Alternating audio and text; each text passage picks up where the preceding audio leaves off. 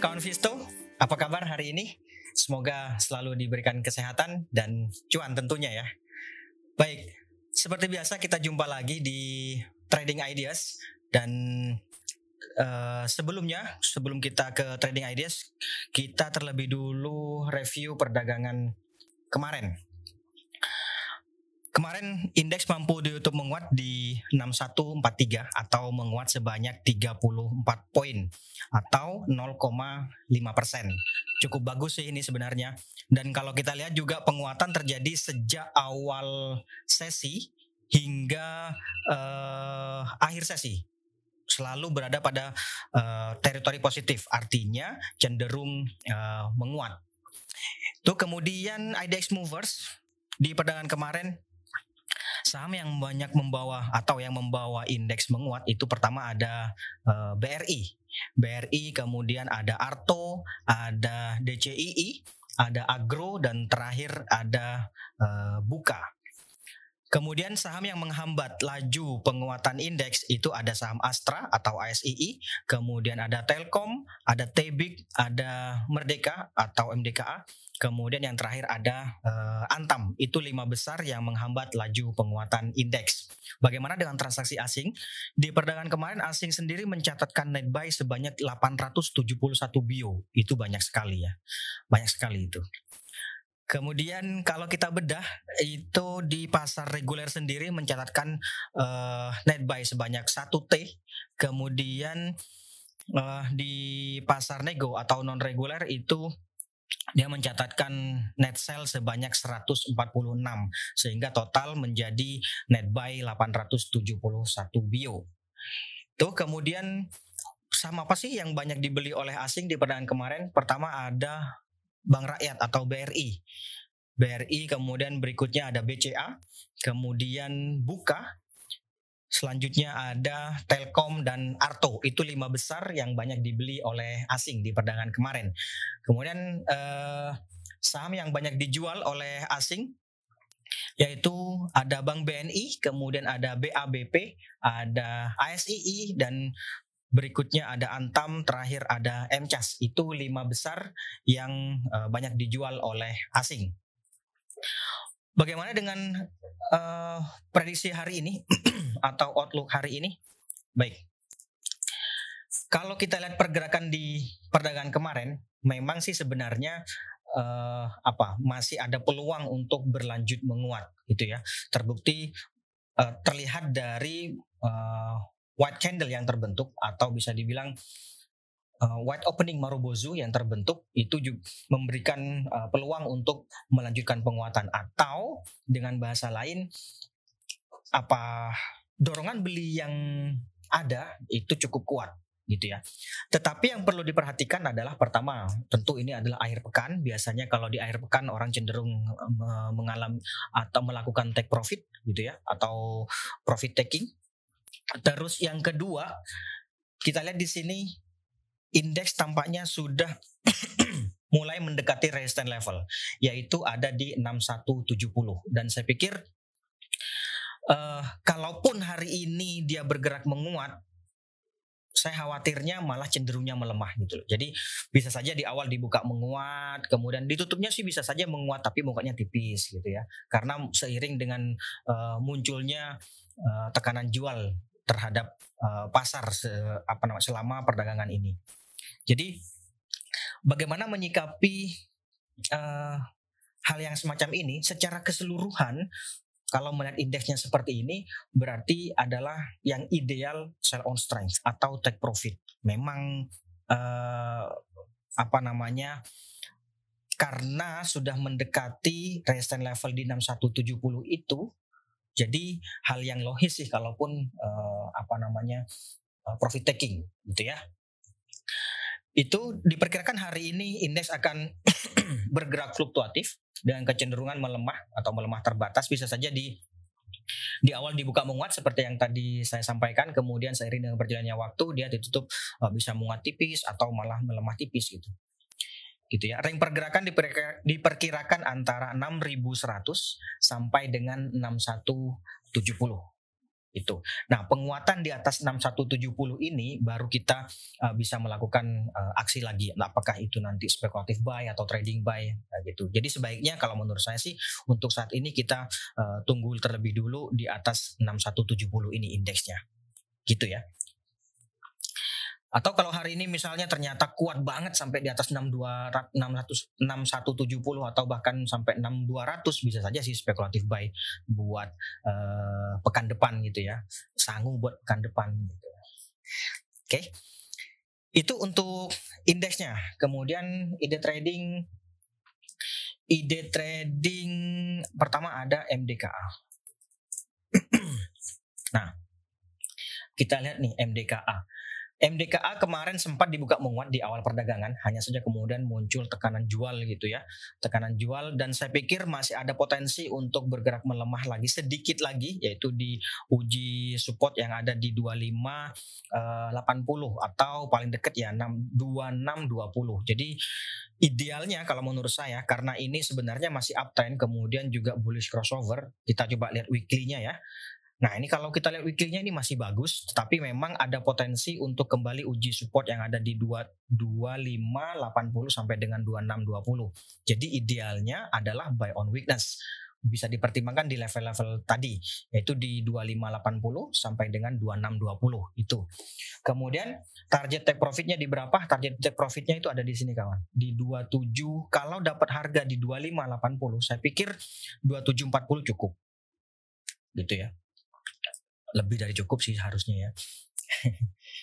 ya, kemudian di atasnya ada 2790 atau 2800 lah kurang lebih sama gitu ya. Itu kalau untuk uh, jangka pendek. Tapi bagaimana kalau mau pegangnya uh, lebih lama sedikit gitu misalnya, bisa saja. Tadi seperti saya sampaikan weekly-nya ini cukup bagus dan kalau mau nunggu lebih lama ya targetnya sih seharusnya bisa di atas 2800-an gitu ya. Bisa 2850 atau bahkan 2950 gitu bisa. Targetnya di situ. Ke, itu untuk uh, Merdeka. Oh ya, stop lossnya nanti kalau harga uh, melemah sampai di bawah 2540 di bawah sini kawan. Berarti kan kalau gitu ada potensi untuk uh, breakdown atau mematahkan uh, uptrend yang terjadi itu ya. Itu untuk uh, eh, MDKA kemudian berikutnya ada BRIS kita lihat BRIS nah ini juga menarik sih. Ini boleh dibilang formasi candle yang terakhir. Coba saya besarkan dulu supaya cukup jelas. Nah ini dia. Formasi candle yang terakhir tiga candle ini ini disebut dengan three outside up. Yang berarti ada peluang untuk menguat. Begitulah kurang lebih ya Nah, saya pikir ini uh, bisa saja sih spekulatif buy bisa. Contoh, misalnya di 2120 sampai dengan 2140 boleh saja, tapi karena uh, apa namanya indeksnya misalnya cenderung melemah, saya pikir idealnya sih untuk saat ini uh, tetap buy on weakness.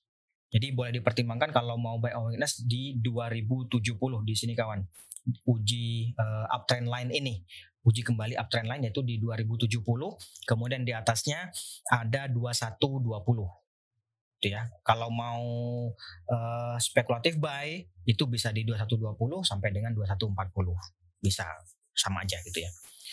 Kemudian take profitnya di kalau dapat di 21 uh, 2070 misalnya. Misalnya dapat di uh, sini ya support sini ya kondisi ideal katakanlah kondisi ideal kita dapat saya pikir di 2220 sih sudah uh, bisa dipertimbangkan untuk uh, take profit di atasnya itu ada 2250 di sini kawan gitu gitu ya Kemudian stop lossnya nanti kalau harga melemah sampai di bawah 2000, di bawah level psikologis 2000 boleh dipertimbangkan untuk uh, stop loss. Saya pikir ini masih cukup bagus bris ini. Coba kita lihat bagaimana weekly-nya ya. Nih, weekly-nya masih oke okay juga. Bahkan ada kita lihat di sini. Nih, ini bullish crossover di uh, apa namanya? stokastik. Ini weekly loh. Weekly kawan. Jadi uh, masih oke okay lah. Jadi kalau view-nya tadi kalau view-nya uh, short to medium untuk weekly gitu ya, saran saya bisa aja sih buy. Gitu ya. Kalau untuk tadi jangka pendeknya untuk short term uh, idealnya buy on weakness tapi boleh juga spekulatif buy. Untuk short to medium silakan buy. Boleh buy gitu ya. Oke, gitu untuk uh, breeze. Berikutnya ada lagi RALS. Nah, kita lihat di sini RALS ya. RALS kalau kita lihat di sini dia kan kemarin belum mampu untuk uh, melewati MA 200 dan saya pikir ini akan berpotensi untuk melanjutkan pelemahannya. Ini sudah satu, dua, tiga, empat, empat kali kawan. Ini empat kali dicoba tapi masih gagal juga, belum bisa juga. Jadi idealnya untuk seperti ini ini adalah take profit atau sell on strength, gitu ya. Apalagi kalau kita lihat di sini ini sudah mengalami uh, bearish crossover. Jadi ada potensi untuk kembali melanjutkan pelemahannya. Saran saya sih ini bisa dipertimbangkan untuk take profit atau uh, sell on strength. Bottom fishingnya boleh di 670 di sini kawan. Di uji EMA 20 nih. Sebentar. Nah, ini dia. 670 di sini ya. Atau di bawahnya sekalian di 660 itu di EMA ini EMA 50 ini. Itu. Itu bottom fishingnya. Nah, bagaimana kalau harga ternyata berbalik menguat? Nah, kalau sampai harga menguat di atas 740, saran saya ya boleh saja di uh, buyback. Itu ya. Itu untuk uh, RALS. Berikutnya ada lagi waskita. Oke, waskita. Nah, ini saya pikir menarik nih kawan. Menarik nih saya pikir. Sebentar, saya besarkan dulu. Ya, sebenarnya memang waskita ini kalau kita lihat kan mengalami konsolidasi. Ya, mengalami konsolidasi, tapi minornya itu uptrend sebenarnya. Nih, dari sini uptrend di ini uh, selama kurang lebih dua minggu terakhir atau tiga minggu terakhir lah yang konsolidasi itu. Menariknya, dia mencoba untuk bertahan di atas support level yang ada di 830 itu sudah berkali-kali lebih dari lima kali itu di uh, diuji gitu ya. Oleh karena itu idealnya ini bisa sih spekulatif buy bisa. Tapi kalaupun mau buy on witness ya di 830 sih 830 boleh. Tapi spekulatif buy pun juga boleh. 835, 845 gitu misalnya juga boleh sih. Kemudian take profitnya di berapa? Kalau misalnya dapat di 830, katakanlah dapat di 830, itu saya pikir sih 8 di sini kawan 885. Nah, di sini 885 ini resisten cukup kuat nih. Atau ya di di bawahnya sedikit juga boleh sih 875. Kalau dapat harga di 830 saya pikir 875, 885 cukup sih cukup untuk uh, short term ya. Di atasnya ini dia 905. Boleh juga dipertimbangkan eh, uh, di situ. Kalau misalnya dapat di harga 845 atau bahkan spekulatif buy ngejar dapat dapat di 850 misalnya bisa dipertimbangkan uh, naik ke 905. Tuh stop lossnya nanti kalau harga melemah sampai di bawah 800. Tuh atau sekalian di bawah level uh, 785 yang garis merah ini kawan. Itu untuk uh, waskita. Berikutnya ada Bang Jabar. Bang Jabar. Nah ini kayaknya sedikit terlupakan ya Bang Jabar ini cukup menarik sih kalau kita lihat di sini. Penguatan kemarin kan ini sebenarnya berpeluang untuk mengakhiri konsolidasi yang terjadi selama lebih dari sepekan terakhir. Atau dengan kata lain ini mengalami bullish continuation gitu ya. Nah, dengan kondisi seperti ini bisa saja trading buy atau spekulatif buy bisa, tapi idealnya karena di sini masih berada di wilayah netral uh, stokastiknya, jadi bisa dipertimbangkan terlebih dulu untuk buy on weakness. Buy on weaknessnya di berapa? Saya pikir di 1345.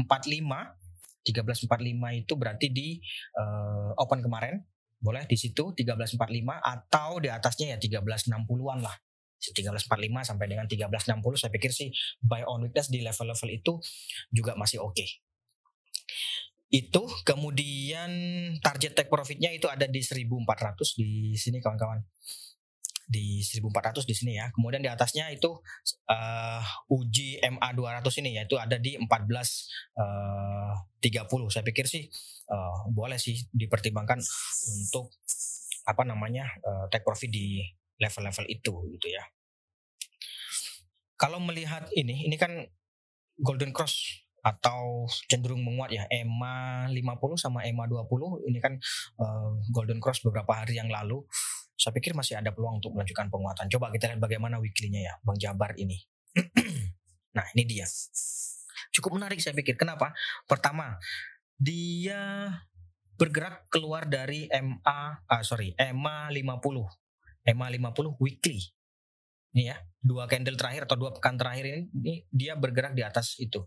Saya pikir ini ada peluang untuk bergerak menguat, melanjutkan penguatan. Kemudian kita lihat bagaimana ini. Nih MACD-nya. Cakep sih saya pikir ini. Cantik ya. Siap. Gitu. Oke. Itu uh, untuk Bang Jabar. Menarik. Jadi untuk uh, short to medium juga menarik sih. Kalau ini kan weekly, berarti to, berarti ada peluang tren uh, menguat dalam short to medium atau ya tiga bulan tiga bulanan tiga bulan ke atas lah gitu misalnya. Oke, itu untuk uh, Bang Jabar. Ada lagi ada lagi nggak? Tins. Hmm. Tins apa kabar Tins? Tins kita lihat. ya kemarin sih memang belum mampu untuk bergerak di atas 1525 dan saya pikir uh, munculnya tekanan jual yang terjadi di perdagangan kemarin akan membawa harga akan membawa tins untuk mengalami uh, konsolidasi. Idealnya bagaimana untuk tins? Saya pikir ada dua. Yang pertama adalah uh, buy on weakness boleh di 1470 gitu ya. 1470 atau di atasnya ya 1490 sih gitu ya. Jadi boleh dipertimbangkan untuk buy on Atau kalau hari ini misalnya menguat sampai di atas 1525 katakanlah seperti itu, saran saya ikut aja spekulatif buy. Jadi kalau hari ini dia bergerak menguat sampai di atas 1525 mending uh, ikutan. Nanti nanti targetnya boleh pasang di uh, eh, 1565. Jadi kalau misalnya nih dapat harga di katakanlah tadi di harga 1470 atau di bawah di bawah closing kemarin lah dapat harganya gitu ya. Saya pikir uh, eh, 1560 sih cukup. Itu yang pertama. Kemudian kalau dapat harganya di atas 1525 bisa dipertimbangkan untuk take profit di uh, sini di 1585. 1585 ini merupakan resistance level yang cukup kuat sih. Itu kalau melihat ini stokastiknya masih masih oke okay sih. Masih oke. Okay. Coba kita lihat bagaimana weekly-nya. Weekly-nya dia mengalami konsolidasi. Sudah hampir sebulan, sebulan lebih bahkan ya. Tapi menariknya adalah di sini dia stokastiknya uh, cenderung menguat ya. Baru saja bergerak keluar dari wilayah uh, oversold. Saya pikir masih ada peluang untuk melanjutkan penguatan. Jadi kalau targetnya 1560 sampai dengan 1585 saya pikir sih uh, lohis. Gitu ya. Oke, itu untuk timah. Ada lagi BTN. Sebentar. BTN. Coba kita lihat BTN. Nah, ini BTN ini memang kalau kita lihat ya, uh, kemarin kan sebenarnya di YouTube menguat, tapi dia mengalami tekanan jual. Gimana sih di YouTube menguat tapi mengalami tekanan jual gitu ya? Artinya closingnya itu dia lebih rendah dibandingkan dengan opening price. Nah, dari mana tahunya? Ini dia, candlenya ini. Candlenya ini ya. Jadi idealnya ini adalah buy on breakout di atas 1390. Kalau mau masuk uh, eh, BTN ini gitu ya. Memang sih short term ada peluang untuk menguat. Tapi coba kita lihat bagaimana dengan weekly-nya. Saya khawatir ini malah cenderungnya uh, ke depannya cenderung melemah. Nah, ini dia. Jadi sebenarnya tren dia masih melemah. Apalagi ini bearish crossover terjadi pada stokastik. Itu weekly-nya kawan. berarti dalam short to medium ada potensi untuk melanjutkan pelemahannya. Kurang lebih kan seperti itu. Jadi saran saya untuk BTN mending tunggu dulu. Bagi yang minat ke, ke, ke BTN, saya pikir uh, sebaiknya tunggu dulu lah. Mungkin bisa di di bawah 13 di bawah 1300 nanti kita kita uh, review lagi. Gitu. Ada lagi buka, buka. Buka ini menarik memang. Buka ini menarik. Kenapa? Uh, karena ya seperti yang mungkin kawan Visto juga sudah tahu uh, dua hari yang lalu ya ada pengumuman buka masuk ke LQ4, LQ45, IDX 30, IDX 80 dan pokoknya kalau nggak salah ada 5 IDX gitu ya. Dan itu pasti akan membuat uh, rebalancing terhadap portofolio gitu.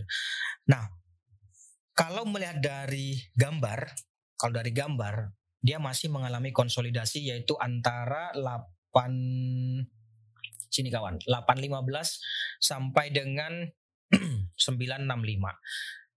Nah, kemarin itu kita lihat kemarin ada gap nggak sih? 855 860 oh, enggak enggak enggak ada gap kemarin. Nah untuk menyikapi ini saya pikir boleh saja untuk uh, trading buy trading buy berarti bisa di 870 atau 885 targetnya untuk short term itu ada di 920 jadi kalau misalnya dapat harga 815 saya pikir 920 cukup. Itu ya. Tapi kalau mau disimpan agak lamaan ya nggak apa-apa juga. Cukup menarik sih. Karena kan uh, rebalancing saya pikir tidak selesai dalam uh, satu dua hari tentunya sih harusnya. Nah kalau disimpan agak lamaan saya pikir targetnya boleh dinaikin di di sini di 965 gitu. 965 itu ya. Itu untuk uh, buka. Ada lagi? Nggak ada ya? Baik kalau nggak ada kita tutup dulu untuk hari ini ya Baik, terima kasih kawan Visto atas uh, partisipasi dan kehadirannya. Kita jumpa lagi uh, pekan depan, awal pekan depan ya. Semoga nggak bosan ketemu saya terus. Baik, terima kasih dan uh, selamat pagi. Salam investasiku for better tomorrow. for better tomorrow.